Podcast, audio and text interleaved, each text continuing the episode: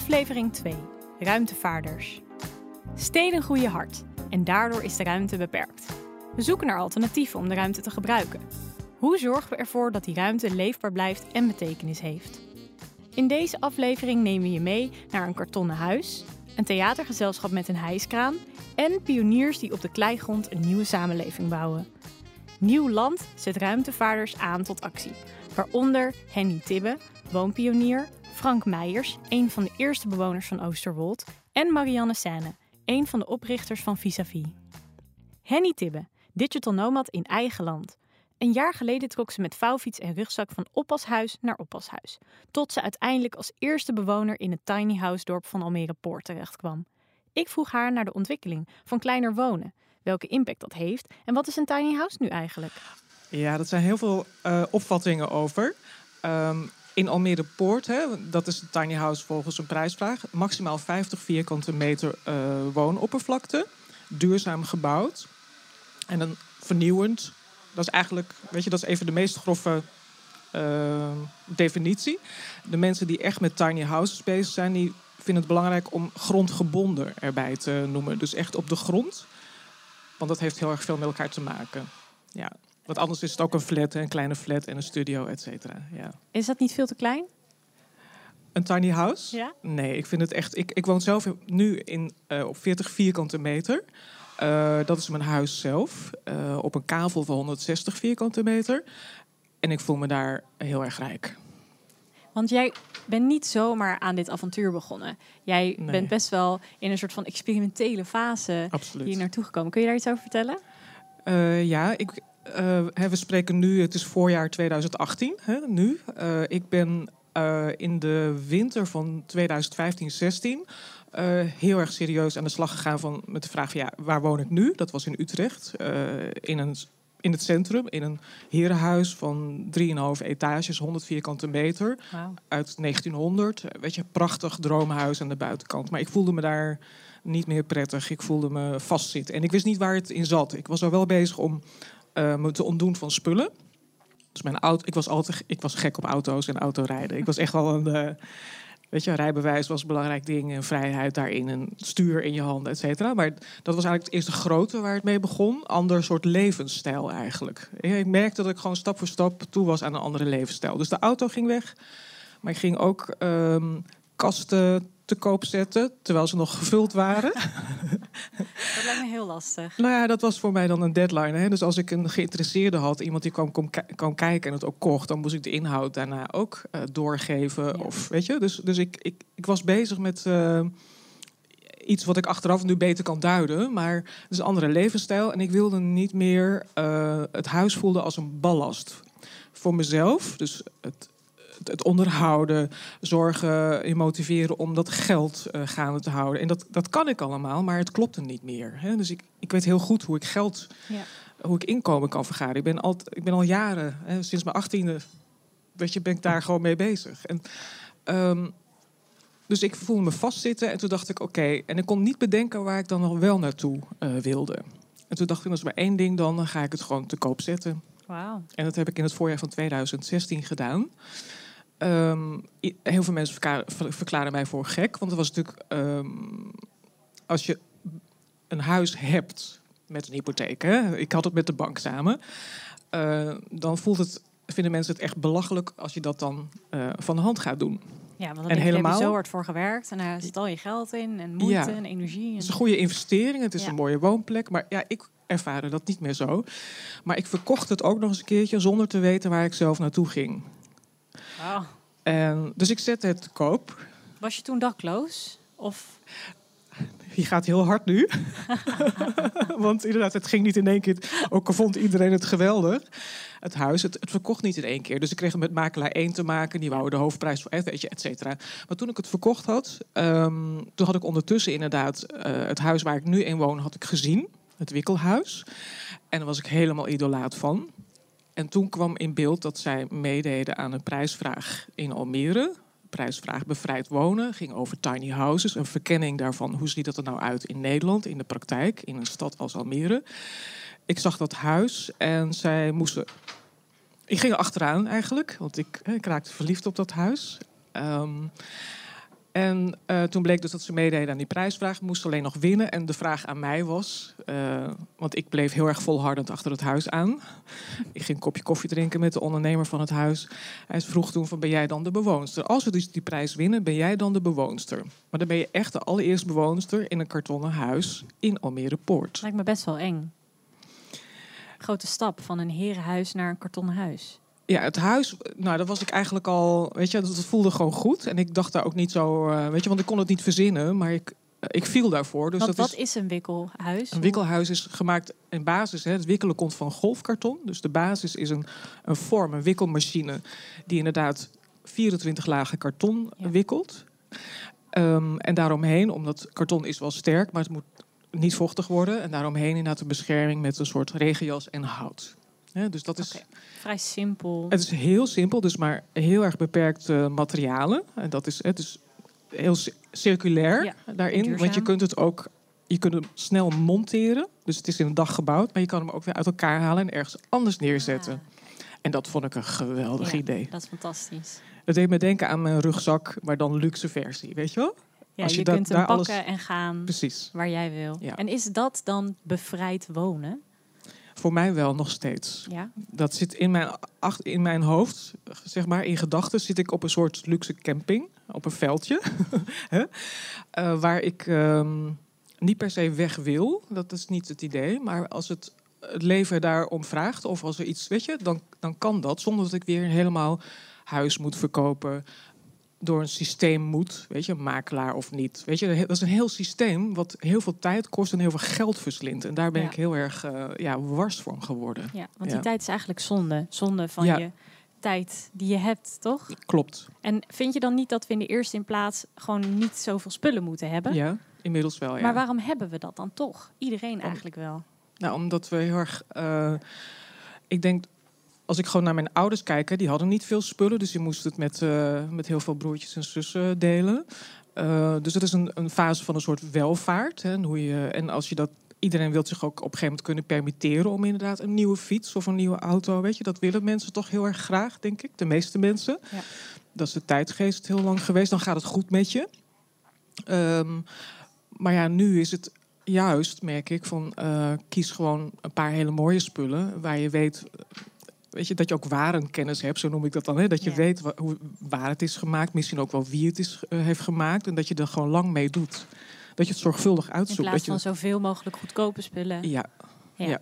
Dat is wel een groot verschil inderdaad. een heel groot verschil. Is dat dan voor jou ook minder spullen is dus duurzamer leven? Ja. Waarom? En spullen, nou, spullen staat gewoon in de top 10 van de dingen die het meeste impact hebben. Hè? Op, op inderdaad, als je het hebt over eco-positief. Dat is een woord wat ik niet heb. eh, hè? Dat is van Babette Porcelein. De impact, hè? Dus dat is de impact die een aantal dingen hebben. En spullen staat gewoon, weet je, die staat gewoon in de top 3 zelfs. Hè? Dus, en dan gaat het niet alleen maar om het hebben van spullen, maar ook de- wat het kost om die spullen te maken. Dus bijvoorbeeld grondstoffen. Maar ook om het, het vervoer, om die spullen ergens te brengen. En dan vervolgens weer makkelijk te dumpen. Hè? Ja. Dus eh, ja. En is die plek waar je dan nu woont tijdelijk? Of mag je daar dan blijven? Eh, de, het, het buurtje waar ik woon, dat, is een, dat buurtje blijft. Dat is, dat is permanent. En het huis waar ik in woon, het wikkelhuis, heeft meegedaan in die prijsvraag expres in de tijdelijke categorie. En ik woon er dus in ieder geval tot de juni eh, 2019. Vind je dat niet, geeft je dat niet een onzeker gevoel? Dat je er elk moment, net alsof je in een soort anti-kraakpand zit en in je studententijd eh, er zomaar uitgezet kan worden? Of zeg je nou, dat maakt me helemaal niks uit? Nou, het doet wel iets met je, maar ik, ik, ehm, het zet je ook op scherp om er een goede tijd van te maken. Dus het, het scherpt mij heel erg, juist ook omdat ik, die- ik ben nog steeds, ik ben, was daar de eerste die is, daar is gaan wonen, maar ik ben nog steeds de enige. Dus het, het zet mij, eh, ik ben nu een half jaar verder, maar het zet me dus ook op scherp om daar een goede tijd van te maken. En heel goed na te denken wat ik dus inderdaad ga, straks ga doen. Wat mijn tweede etappe eigenlijk wordt. Blijf ik of ga ik door? Het is heel populair om in Almere nu zelf iets te gaan bouwen. Of om überhaupt in Almere te gaan wonen. Ja. Het is opeens heel hip om in Almere te Ja. wonen. Terwijl nou, ja. tien jaar geleden dachten mensen daar wel anders Dat over. is eigenlijk in een jaar, eh, misschien wel in een paar jaar tijd, enorm eh, veranderd. Het lijkt, het lijkt nog wel heel veel ruimte te zijn, maar het is al in handen van wie dan ook. Ja. En waarom vind jij Almere zo interessant? Nou, ik ben, het huis heeft mij naar Almere gebracht. Hè? Dat is allereerst. Want Ja. ik kende Almere wel. Ik was hier vroeger van de triathlon geweest. En eh, voor mijn werk, ik had hier klanten. Hè. Ik was met een managementteam hier, ook van het bedrijf, eh, ging ik regelmatig aan de slag. En ehm, het huis heeft mij hier gebracht. Dus het, eh, inderdaad, toen ik ja, hè, toen de uitnodiging was, ja, ben jij dan de eerste permanente bewoonster van een wikkelhuis in Almere Poort? En toen heb ik ja gezegd. Ik vind het interessant genoeg om opnieuw te kijken naar de stad die ik eigenlijk niet kende. En zeker Almere Poort kende ik niet. En hoe heb je Almere toen beter leren kennen? Nou, allereerst eh, door ehm, alle mensen die langskwamen eigenlijk. Hè? Want eh, toen ik daar was, ik ben ehm, ja, gelijk mee gaan doen. Dus ik, ik, ik woonde er nog niet eens. Hè? Ik was, was aan het wachten op de aansluitingen en toen was het huis nog leeg. Dus Eh, toen deed ik al mee met eh Dwars door Poort heette dat. Hè? Dat was een, eh, hè, ook inderdaad om mensen uit te nodigen om de andere delen van de stad en bij elkaar te kijken. Dus ik was een stempelpost, weet je wel. Dus dat was het begin van allerlei dingen. Dus ik ben heel erg actief. Ja, ik heb echt gewoon met mezelf een soort inburgeringsprogramma. Heb ik echt gedaan. Weet je van, oké, ik wil echt ehm, de stad opnieuw, eh, voor een deel opnieuw zien en bekijken. En ik ga er echt een goede tijd van maken. Wie ook maar. En ik heb ook beloofd dat ik niet zou luisteren naar die negatieve berichten en dergelijke. dat image, hè. Eh, van nee, ik ben hier met heel mijn hart. En zo heb ik het ook gewoon ingestoken. En hoe leg jij dan uit aan jouw familie en vrienden en kennissen dat minder ruimte jou dan meer ruimte geeft? In Almere hadden ze zoiets van, nou, die is helemaal gek geworden. Die, dat, Ja, ja, ja. heen? Ja, ik, ja, er zijn echt mensen die denken nog steeds van... ja, dat is een eh, bevlieging en eh, ze is echt gek geworden. En eh, wanneer komt ze terug naar Utrecht, hè, naar, naar, naar de stad? Nou, ik weet het gewoon nog niet. Maar ehm, de, beste oplossing is altijd om ze eh, bij mij thuis eh, te laten komen. Dus dat ze als ze in mijn woonkamer, in mijn huis eigenlijk staan... Hè, dat, dat is één grote woonkamer. Nee hoor. Eh, dan, valt, dan zijn ze heel erg verbaasd. Ja. Omdat ze dan pas zien wa- waar je mee bezig bent eigenlijk. Ja, Ze dus kunnen dat- zich geen voorstelling ervan Nee. maken. Nee, want kijk, een huis hebben we allemaal opvattingen over hoe dat eruit ziet. En ehm, dit is gewoon zo'n ander huis. En dat, je voelt je daar. Het is ruimtelijk, maar het voelt ook warm. En daaromheen is, ja, dat is een wijk nog steeds wat in aanbouw is. Hè? Dus dat is. Ik heb foto's laten zien van de omgaande zon. Toen ik eh, in augustus kwam, zag ik, ging ik heel vaak met zonsondergang naar het IJmeer daar. En dan kon je Amsterdam aan de overkant zien Ja. liggen. En ik deelde die foto's op Instagram. En zeiden mensen, wauw. Nou, hoef je niet zoveel meer uit te leggen. Nee. Ik kon de zon, weet je, onder zien gaan op een paar kilometer van mijn huis. Ik kon daar af en toe een ree treffen, weet je, tegen de bosrand aan. En ik kon de zon ook op zien komen vanuit huis. Die, dus die foto's deelde ik ook. Dus door een rond raampje, een rond raampje, weet je wel zo. En dan de opgaande zon bij wijze spreken. Nou, het spreekt voor zich. En begrijp je wel waarom mensen wel groot wonen en wel zo'n joekel van een huis neerzetten, ook in Almere Poort? Of denk je, waar slaat dat op? Ja, het laatste. Ja, ik, ik, eh, als ik naar, naar ieder voor zich. Hè? Dus ik ben Ja. niet zo van eh, dat mag niet of dat moet niet. En, eh, maar ik, ik zie zelf, ik kan er zelf eh, niet anders naar kijken. Van, oh, wat een gedoe. Dat moet je allemaal onderhouden en, en zorgen dat je het kan houden. En ik, ik zie het als gedoe eigenlijk. Zo kijk ik daarnaar. Maar ik zou zeker af en toe, weet je, in een heel groot huis weer rond willen lopen of blijven Ja. slapen. En tuurlijk, tuurlijk. Maar om het zelf te hebben, dat, dat, Dat is niet dat nodig. verlangen heb ik niet. En omdat het verlangen is veranderd, is daardoor voor jou ook de betekenis van ruimte veranderd? Ja, ja, ik ben daar veel flexibeler in geworden. Weet je, van ehm, dat je niet alle dingen thuis hoeft te organiseren of te doen. Hè? Dus ook inderdaad met werken. Hè? Want ik ben, ik ben ondernemerscoach en ik werk heel veel online. Maar ik vind het ook heel belangrijk om juist op locatie met mensen te werken. En Ja. ik kan dus op deze manier heel flexibel daarin dingen organiseren. dit deze- seizoen dit en volgend seizoen ja, dat. precies. Want deze keus die je hebt gemaakt, kan me voorstellen dat dat ook veel invloed op je werk heeft gehad. Nou, de, de impact hè, op, op, mijn, op mijn werk was eh, eh, allereerst gelukkig eh, eh, was ik niet eh, in mijn werk meer. Had ik al hè, naar een locatie onafhankelijk, wat ze dan zeggen. Hè? Dus inderdaad, je kondigde hem ook aan digital nomad in eigen land. Hè? Dus dat vond ik ook wel g- Even stoer. voor de leek, wat is een digital nomad? Iemand die echt Instagram-foto's stuurt met een laptop langs het zwembad. Weet je wat? denk ik, haha. dat vind ik gewoon heel surf. Ik wil gewoon aan het strand Ja. of een zwembad liggen zonder laptop. Ja, ja, ja. Maar het gaat erom dat je natuurlijk door internet eigenlijk eh, weet je, overal kan werken. Als je maar je, je, je bedrijf eigenlijk hè, of je aanbod, je diensten zo inricht. En dat heb, had ik al gedaan.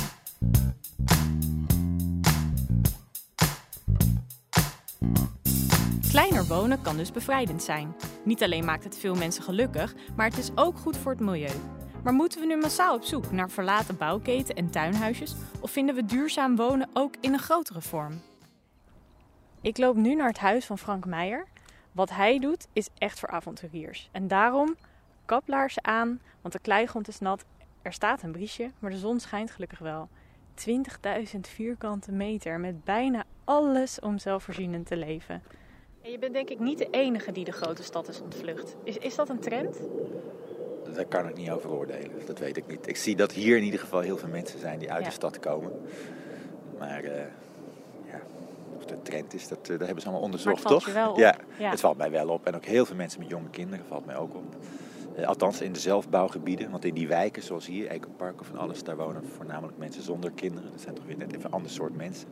En ander soort huizen. Ander soort huizen ook. Ja. Kleiner, compacter. Ja, maar het valt mij op dat de mensen die hier helemaal gaan bouwen, dat zijn de zelfbouwers, die zitten allemaal met de kinderen die net geboren zijn of ietsjes ouder. Ah, die zitten echt in, in die fase van hun leven dat ze, dat ze gaan bouwen. Echt eh, een familie bouwen, een eigen landgoedje bouwen. Alles. Pionieren. Ja, ja, ja, ja, dat vind ik wel heel erg leuk. Het zijn ontzettend enthousiaste mensen allemaal. Moeten vaak met eh, heel veel trucs en eh, alles moeten het rondbreien, maar dat, dat mag niet deren. Ze gaan ervoor en dat vind ik wel heel mooi. Want hoe was dat toen jullie hier voor het eerst kwamen kijken? Je kwam hier met de auto aan misschien. En Ja, wat was het eerste wat je toen langs zei? deze sloot kwamen aanlopen. En er was hier helemaal niks. Dat was alles landbouw. Nou, dat vond ik heel onroerend. Dat vond ik echt heel mooi. Want dat, je hier, nou, dat je gewoon zelf een stuk op de kaart kunt zetten. Zo, dit, met de gemeente, zo, je potlood, zo, nou dat stukje, dat neem ik. En dat je daar je eigen stukje wereld kunt gaan bouwen. Ja. En ik, vond, ik kan me ook herinneren toen het geleverd was, dat ik de eerste keer daar erop liep. Ja, ik vond de tranen sprongen bijna in mijn ogen. Ik vond het zo mooi dat je op je eigen land kunt lopen. Ja. ja, want een eigen land ontwikkelen, zo'n nieuw stuk land, dat is toch heel veel gedoe? Ja. En waarom dan toch doen? Ja, nieuwe uitdaging misschien. Hè? Ja.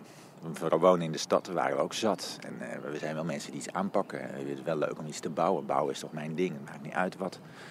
Als ik maar ergens aan kan bouwen, iets opbouwen, iets constructiefs. Iets, ja. En Mijn vrouw wilde graag eh, een tuin, die wilde graag tuinieren. Dus eh, het, werd, het werd sowieso hier, stadslandbouw. Ja, van het een komt het ander, hè? Want kan dat niet in de grote stad? Dit? Nou, dat experimenteren, dat tuinieren. Ik zou wel eens een stukje land in de stad willen hebben, denk ik. Ja, zou ik meteen stoppen met werken. ja. Ja.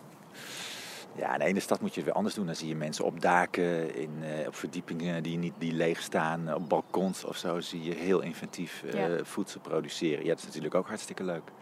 Nou, dat ging waar wij woonden in ieder geval niet. Nee. Nee, wij woonden op een schip en dat begon langzaam vol te lopen. Onze kinderen werden groter, de kamertjes werden kleiner. Ah. Dus wij moesten echt iets doen. En we hadden 200 vierkante meter, maar door de inrichting van zo'n schip was dat toch niet echt ruim. En eh, ja, je kon het gewoon helemaal naar onze hand zetten. We hebben door heel Nederland gezocht naar iets waar we zelf wat kunnen, konden opbouwen. En van Groningen tot en Nijmegen, vooral die kant op. Eerst ge- gezocht naar een plek waar een schip kon liggen. Eh, maar dat, dat werd het allemaal niet. Toen kwamen we hier eigenlijk toen we het hadden opgegeven. En toen dachten we, ja, dit is te gek voor woorden. Het is en in de buurt van alles waar ik voor mijn werk vaak moet zijn. In de buurt Ja. van de Randstad. Want je, binnen 20 minuten rij je overal heen vanuit Almere. Nou ja, overal. Maar je zit van, vanaf eh, richting, eh eh, van spreken, eh, Zwolle, Amersfoort, Utrecht, Amsterdam, Den Haag. Het is allemaal best wel goed te overzien. Je zit behoorlijk centraal in het land. Alleen als je naar Den Helder moet of zo, dan is het wat verder weg. Ja. Maar ja, dat heb je altijd Ja. als je naar Den Helder of Groningen moet of Maastricht. Dus eh, dat blijft. Nee, je zit hier fantastisch qua locatie. En dat je zo centraal op zo'n goede plek ineens zoveel vrijheid kunt kopen. Zo'n mooi stuk grond kunt kopen. ja, is dat dat vrijheid kopen? Ja, en wat ons ook heel erg aansprak was dat we hier een gemeente hadden die dit doet. Eh, want veel plekken die wij gezien hebben, die bevielen ons op zich wel. En toen zeiden we dat we een huis wilden bouwen. En toen kregen we van het begin af aan alleen maar weerstand. Om redenen die niemand kon begrijpen.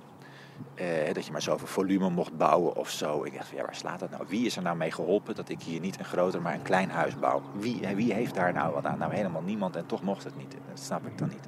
Dan begin je al ergens gefrustreerd aan, zal ik maar zeggen.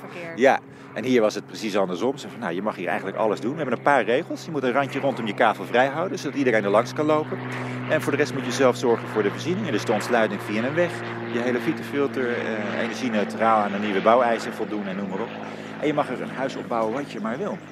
En dat, nou, dat vond ik eigenlijk wel voor eh, zeg maar, een gemeente, voor ambtenaren, zeer uh, ruimdenkend. En dat beviel ons meteen. En ook de gesprekken met de gemeente Almere, die bevielen ons buitengewoon goed. Die waren welwillend, uh, die stonden overal voor open. Ik dacht echt van, nou, wat, wat geweldig. In zo'n gemeente wil ik, wel, wil ik wel wonen. Want je bouwt hier eigenlijk een mini-samenleving. Je bouwt hier echt, ja inderdaad, ik, dat vind ik wel, ja. Want je bent, zeg maar, als Oosterwold groepje hier bij elkaar. Want Oosterwold is veel groter dan die titel. Ja, wonen hier alleen maar dezelfde soort mensen? Nee, nee zijn mensen, wanneer zijn mensen hetzelfde?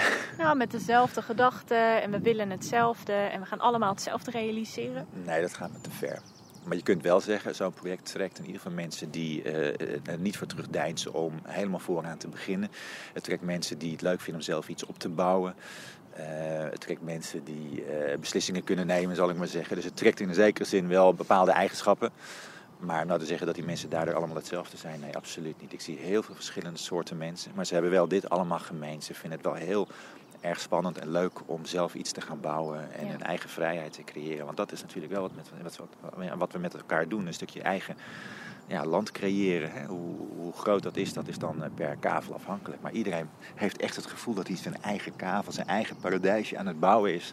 Geheel zoals hij dat zelf wil. Ja. En met niks en niemand iets te maken. En, en dat vind ik, uh, ja, dat, dat, en dat is natuurlijk ook wel weer een eigenschap die je ja. trekt. Hè. Eh, mensen die liever wat minder met elkaar te maken willen hebben. Die juist willen kunnen terugtrekken op hun eigen kavel. En denken zo van, hè, niemand kan bij me komen.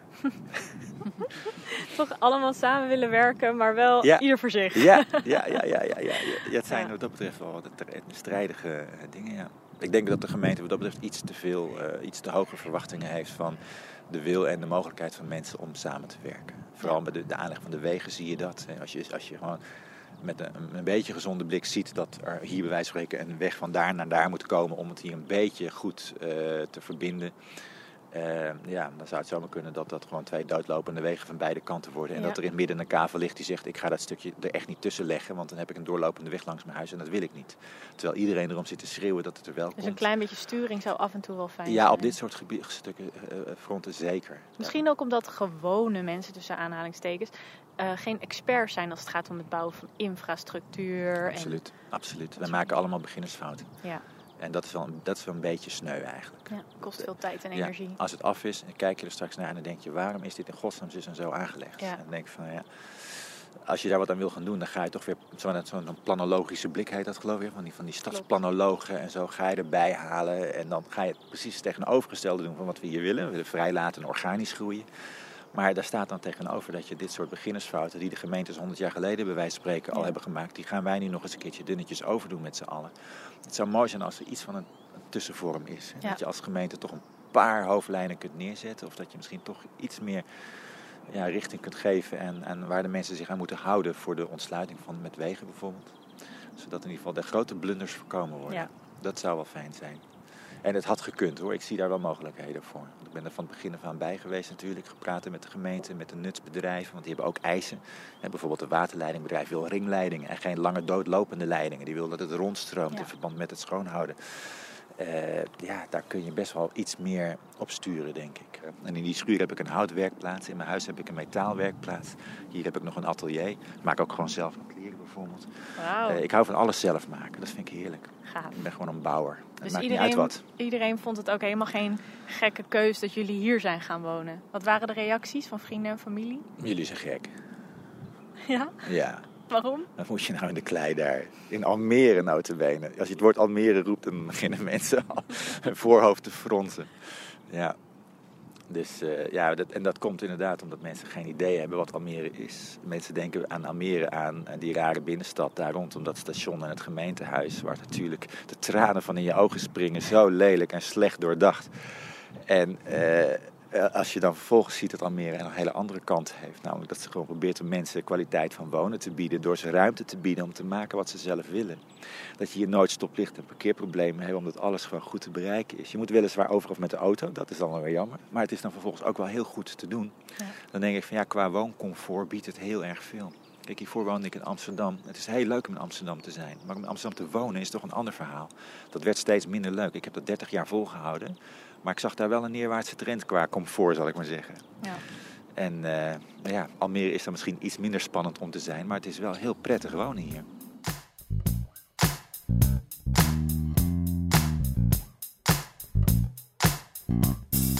Grootse experimenten vinden niet alleen plaats in woonwijken, maar ook vlak daarnaast. Aan het strand is een theatercollectief geland dat hele spannende dingen doet met de verschillende vormen van ruimte. Zo hebben zij een permanente hijskraan als onderdeel van het decor, kunnen ze heuvels bouwen en er is een kleivijver. Ik ging in gesprek met Marianne, een van de oprichters van Vis-à-Vis, en onderzocht hoe zij met ruimte omgaan. Jullie zijn geen standaard gezelschap volgens mij. Uh, nee, want we maken buiten theater. En we hebben geen grid zoals in het theater, maar we hebben een hijskraan. Dus met die hijskraan uh, kunnen we decorstukken op en afbrengen. En tevens is het heel fijn omdat we op ons landje van alles aan het bouwen zijn. En dan is een hijskraan heel makkelijk.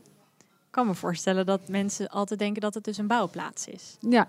Dat is het ook stiekem een beetje. Uh, ja, het is inderdaad, het lijkt op een bouwplaats. En we zijn nu bezig om een heel groot bord te maken waarop staat wat we eigenlijk doen. Oké.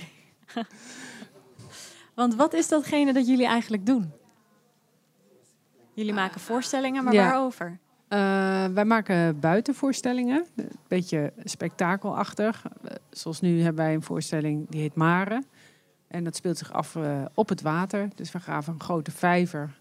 Dat hebben we gedaan. En de tribune staat ervoor. En daar spelen we een verhaal over wat gebeurt er als de hele wereld onder water loopt. Omdat de zeespiegel stijgt vanwege de klimaatsverandering. En ehm, dat is ja, een beetje poëtische voorstelling. Ehm, we hebben het over belangrijke thema's, maar we vatten dat ook vaak in een humorvol jasje. En uh, we proberen mensen te verbazen. We spelen altijd een soort van spel met de zwaartekracht bijvoorbeeld. Waarom al die maatschappelijke thema's? Ik denk, kan me voorstellen dat het heel moeilijk is om mensen te overtuigen van een verhaal. Helemaal zoiets als klimaatverandering is denk ik voor heel veel mensen een ver van je bedshow mensen zeggen dat dat niet bestaat of snappen niet eigenlijk wat die verandering inhoudt? Nou, het is eigenlijk niet uh, ons idee om mensen te overtuigen. Het is eigenlijk meer onze eigen bron. Dat we uh, eigenlijk zeggen, wat is er eigenlijk, wat leeft er in ons? En wat vinden we belangrijk? En uh, dat we denken, we moeten altijd voor vier jaar van tevoren een plan bedenken. Maar dan hebben we het over wat boeit ons eigenlijk. Ja.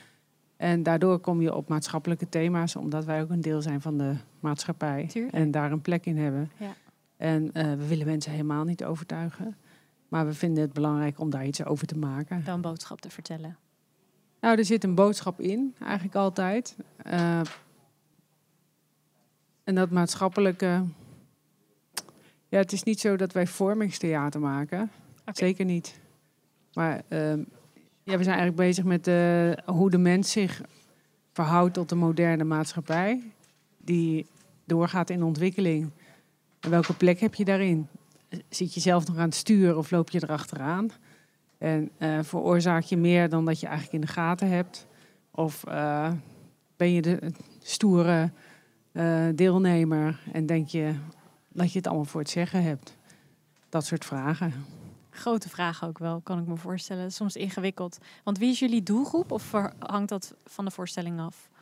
Uh, onze doelgroep is, zijn mensen vanaf 12 jaar. Oké. Okay. En jullie begonnen ooit als een theatergezelschap. En toen waren jullie op zoek naar een locatie. En toen kwam je uiteindelijk uit in Almere, maar daartussen is van alles gebeurd. Ja, wij, wij, uh, wij hebben ons ontwikkeld vanuit een uh, festival in Utrecht. Theater aan de Werf Festival. Toen hebben we een productie gemaakt.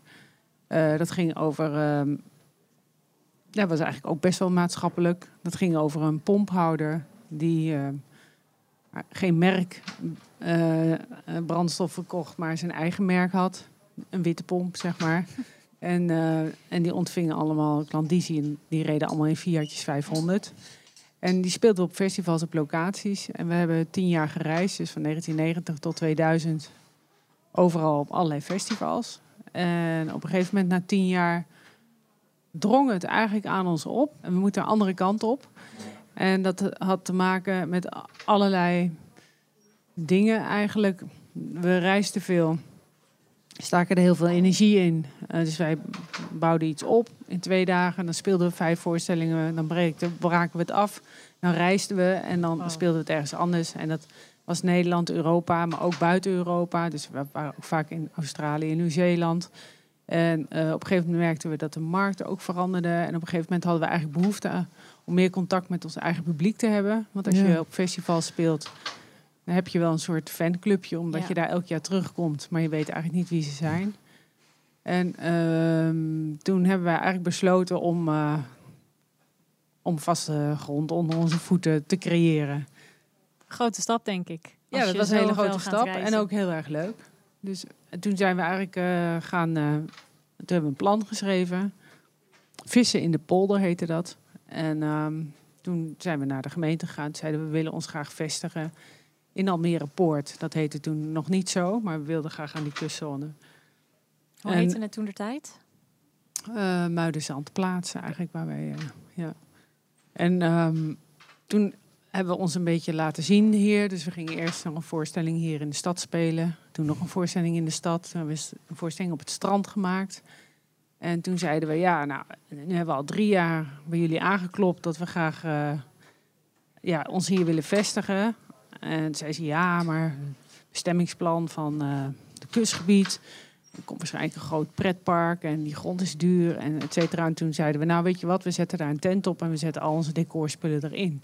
In 2006. En toen, eh, hadden, we, het- en toen hadden we daar een tent staan. En toen zijn we langzamerhand met allemaal gesprekken met de gemeente begonnen we. eh, toen kregen we een stukje land toegewezen voor vier jaar. Was dat genoeg? En was dat het stukje land dat jullie wilden hebben? Of was het gewoon dit is het en er doe je het maar Ja, we wilden een ander stukje land, maar dat, dat kon niet. Maar eh, wij vonden dat wel goed eigenlijk. En voor vier jaar betekende eigenlijk dat iedereen in onze omgeving zei: Ja, ja wat, wat ga je nou doen? Want we hebben toen een tweedehands eh, tuincentrum gekocht. En dat hebben we afgebroken en dat hebben we toen opgebouwd. En daar waren we best wel lang mee bezig, want er moest natuurlijk licht, riool, toiletten, eh, van alles, verwarming in. eh, bouwen. Ja, en toen dachten we, nou, we zien dat eigenlijk al meer als, als een decor ook. Want eh, je bouwt ook al decors en die breek je weer af. Dus we dachten, ja, als we dat nou voor vier jaar bouwen, is dat helemaal prima eigenlijk. heel veel werk. Ja, maar dat sterkte ons Hmm. ook weer dat je dacht van, ja, we gaan eigenlijk tegen de stroom in. Eh, en waarom niet eigenlijk? Dus Want het mocht wel allemaal wat jullie deden? Daar op dat Eh, landje? Ja, op een gegeven moment mocht het wel. Maar toen kwamen we ook met allemaal ja, problemen. Je moet iets omhekken bijvoorbeeld. En je moet een poort maken. En je moet verlichting hebben. En dus dat, als we dat van tevoren hadden bedacht, dat, wat dat betreft waren we gewoon lekker naïef. Want toen dachten we, oh ja, we moeten het ook verharden. Dat is ook een, heel groot stuk land verharden. Dat is ook heel veel werk. En alles wat je daar aan moest leggen, dat was eigenlijk ook heel Ja. veel werk. Toen kregen we eigenlijk, eh, toen hebben we daar een hele grote voorstelling gemaakt. Toen wisten we eigenlijk, toen hebben we nog eens een voorstelling in het bos gemaakt en toen een voorstelling met kinderen. Eh, en we wilden steeds een vergunning hebben voor een hele grote voorstelling die we daar neer wilden zetten. Want we dachten, we moeten ons direct op de kaart zetten. Want we wilden meteen 25.000 mensen daar Oh, dat is naartoe. inderdaad een hele grote voorstelling. Ja, anders kon het gewoon niet uit. Dus we wisten van, Mhm. we, als we, we moeten het gewoon groot aanpakken. We moeten niet met een klein publiekje. En, Jullie hebben volgens mij ook een hele grote fanbase. ja. Hoeveel mensen komen er jaarlijks naar jullie voorstellingen toe? Nou, vorige zomer zijn er 40.000 geweest. En we hebben 28.000 nieuwsbrieflezers. Dus als we mensen uitnodigen, dan ja, heel veel mensen. Zeker. En jullie zijn geen, dus niet een klein theatergezelschap meer, maar jullie zijn eigenlijk een grote voorziening ook hier in de stad. Ja. En jullie hebben een speciaal gebouw waar jullie dan niet de voorstelling in laten plaatsvinden, maar dat functioneert als een kantoor? Of? Eh, ja, we hebben een plek waar als je naar onze voorstelling komt, kun je ook eten. Oké. En nu afgelopen mei hebben we een, eh, een eh, neutraal, energie-neutraal gebouw neergezet. Een, een restaurant en een kantoor. En in dat restaurant kunnen mensen eten. En in de winter hebben we nu, deze winter, hebben we daar een voorstelling in gemaakt. Ah, oké. Dus dan, eh, dat, die voorstelling heet de Antarctica. Werd je eigenlijk uitgenodigd om een avondje naar Antarctica te gaan. In wezen gebaseerd op FOMO, Fear of Missing Out. Dat iedereen graag zoveel mogelijk wil beleven. Ja. Budgetair, heel vriendelijk en om er toch maar geweest te zijn. Ja, ja. Wat betekent die ruimte voor jullie? Dat jullie die ruimte hebben om zelf te bepalen wat je doet. Je bent niet meer afhankelijk. Jullie mogen zelf kiezen, net als Henny, die mag zelf Zo kiezen. kunnen we ons tonen. En we, die ruimte betekent heel veel voor ons. Heel veel. Het feit dat we daar een hijskraan hebben staan. Ja, dat is natuurlijk al- heel bijzonder. Ja, dat is heel bijzonder, ja. ja. Eh, het feit dat we daar eh, muziek mogen draaien tot laat. Eh, ja, dat daar een hele grote parkeerplaats is waar mensen hun auto kunnen zetten zonder dat ze dat daarvoor hoeven te betalen. Eh, dat Ja, de is zon overal ondenkbaar In schijnt. een grote stad is dat ondenkbaar natuurlijk. Gratis parkeren, ja, dat zon is, op je borrel. nee, dat is heel fijn. En nu hebben we allerlei. Ja, we zijn nu ook een ondernemer geworden doordat we dat restaurant hebben. Dus we Ja. moeten ook Ja. gaan verhuren. Ja.